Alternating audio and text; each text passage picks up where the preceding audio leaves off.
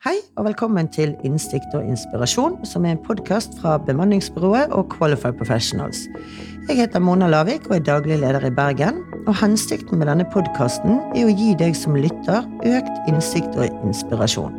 Noen ganger snakker vi om rekruttering, og andre ganger tar vi opp temaer som vi tror du vil tenke på som inspirerende.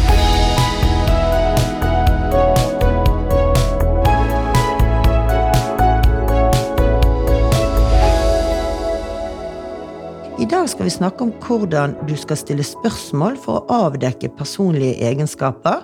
Og jeg har med meg Øyvind Sandvik, så hvis du kan starte med å fortelle litt hvem du er og din kompetanse. Det kan jeg gjøre, vet du.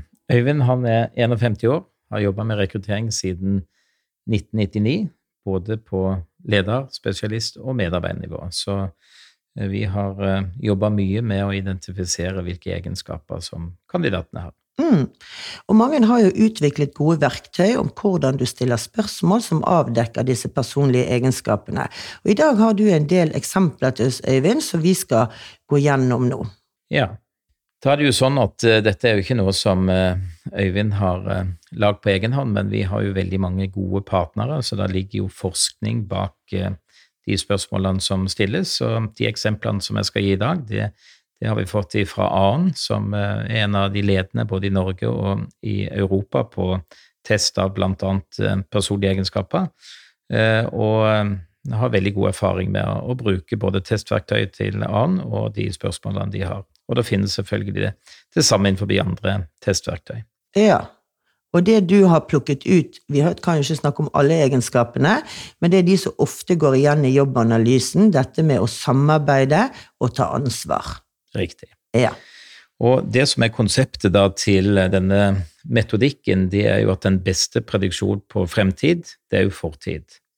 Så hvis du har vært veldig dårlig på å samarbeide historisk, så regner man det som ganske sannsynlig at du vil også slite litt i fremtiden. Har du sjelden tatt ansvar bak i tid, eh, så vil du sjelden ta ansvar frem i tid. Og da er det utvikla spørsmål som skal være med å finne ut om du har vært aktiv innenfor dette her, og, og, hvordan du tenker og føler i forhold til det. Og Da har de også indikatorer som taler for at du får en høy score og en lav score. Og Da skal jeg gå gjennom eh, noen av spørsmålene som stilles i forhold til dette med samarbeid.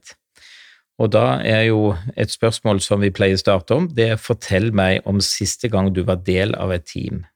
Og så er det en del eh, oppfølgingsspørsmål, og det er hva er hensikten med teamet? Hva satte du pris på med hver i time? Eh, hva mislikte du, og hva gjorde du for å få teammedlemmene til å samarbeide? Mm.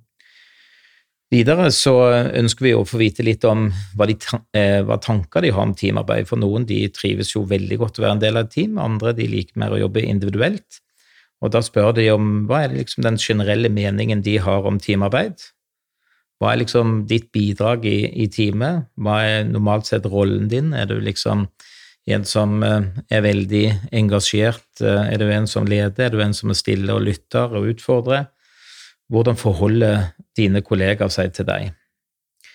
Eh, og vi ber gjerne om eksempler også for å finne mer ut av hvor, hvor god de er i teamarbeidet. Og og da eh, Et spørsmål som jeg pleier å stille, det er at de skal gi eksempel på når de måtte tre støttene til eh, for andre medlemmer i teamet. Og Hva var det som gjorde at de trengte støtten, og hva gjorde du for å, å støtte dem, og hva var effekten av det?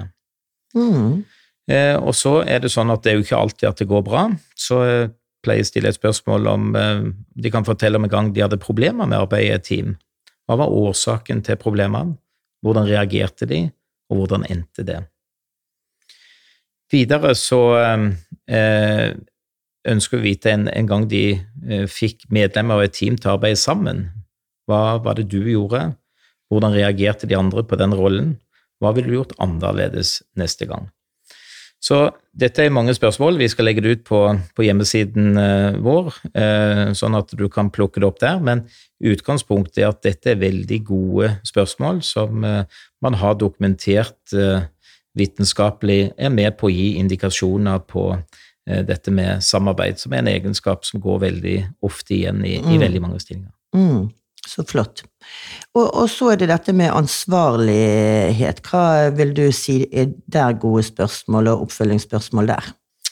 Ja, der prøver vi igjen å få et inntrykk av eh, har de historisk eh, utvist ansvar, og spørsmålet som er naturlig å stille der, det ene kan jo være at de skal fortelle om siste gang de måtte stå til ansvar for eh, sine handlinger. Hva var det de hadde gjort som du måtte ta ansvar for? Hvorfor var det så viktig å ta ansvar? Og hvordan forsvarte du dine interesser? Eh, det trenger ikke alltid ha gått eh, bra, så det syns jeg ofte er et veldig godt spørsmål. Mm. Så skal de fortelle om siste gang de måtte ta en rask beslutning, hvor man har fokus på hvorfor de måtte ta beslutningen veldig raskt. Eh, hvordan påvirket beslutningene de andre, og hva ville du gjort annerledes dersom du fikk muligheten? Og så ønsker vi å se om de trenger noe veiledning, og da stiller vi spørsmål om, om eh, de noen gang har måttet arbeide uten noen form for veiledning. Hva som var årsaken til det, eh, hvordan de takla det, og hvilke tilbakemeldinger de fikk. Og så ønsker vi å fortelle om en gang du tok ansvar for å fatte en veldig viktig beslutning. Hva var beslutningen? Hvordan og hvorfor forsvarte du beslutningen din, og hva var mulig konsekvens av en dårlig beslutning? Og så er det dette her å søke hjelp eh, hvis du har behov for det, og da er det at de skal fortelle om en gang eh, du henvendte deg til noen over deg i systemet for å få hjelp. Hva var bakgrunnen for henvendelsen? Hvorfor trengte du hjelp? I hvilken grad søkte du fortsatt assistanse på dette området? Mm. Dette var jo veldig mange gode spørsmål. Eh, og, men hvordan tenker du at vi kan stole på at disse spørsmålene kan avdekke hvorvidt kandidaten er god til å samarbeide og ta ansvar? Dette er jo eh, spørsmål som man stiller der hvor man i jobbanalysen har sagt at eh, samarbeid og ansvar er viktig.